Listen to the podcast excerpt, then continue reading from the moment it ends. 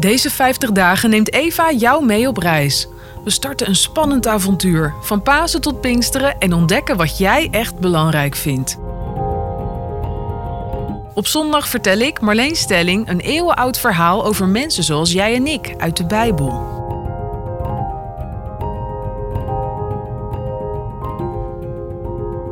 We gaan naar een heel bijzondere avond uit het leven van de leerlingen van Jezus. Het is nog maar een paar dagen geleden dat Jezus overleed en de leerlingen zijn in diepe rouw. Plotseling staat Jezus in het huis waar zij zijn samengekomen. Ik wens jullie vrede, zegt hij.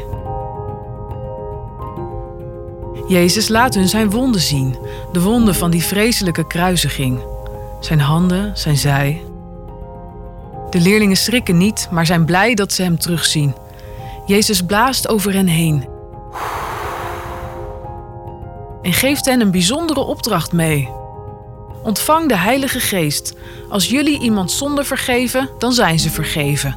Vergeven jullie ze niet, dan zijn ze niet vergeven. Thomas is er niet bij op dat moment. Als hij het verhaal van de andere leerlingen hoort, kan hij het maar amper geloven. Alleen als ik de wonden van de spijkers in zijn handen zie en met mijn vingers kan voelen, en als ik mijn hand in zijn zij kan leggen, dan zal ik het geloven.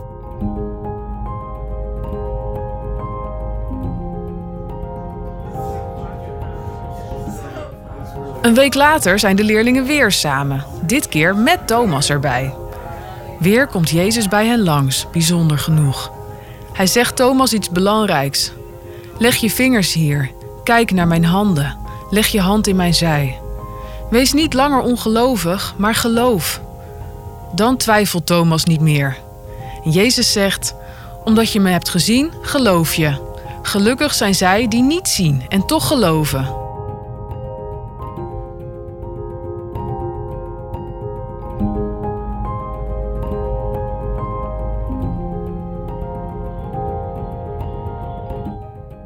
Twijfelen is wel eens lastig, maar het hoort erbij.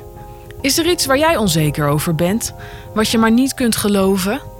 Wie zoek je dan op en wie laat jou zien wat echt waar is? Mail gerust naar eva.eo.nl. Wil je verder lezen? Ga dan naar Johannes 20 in de Bijbel in je boekenkast of online.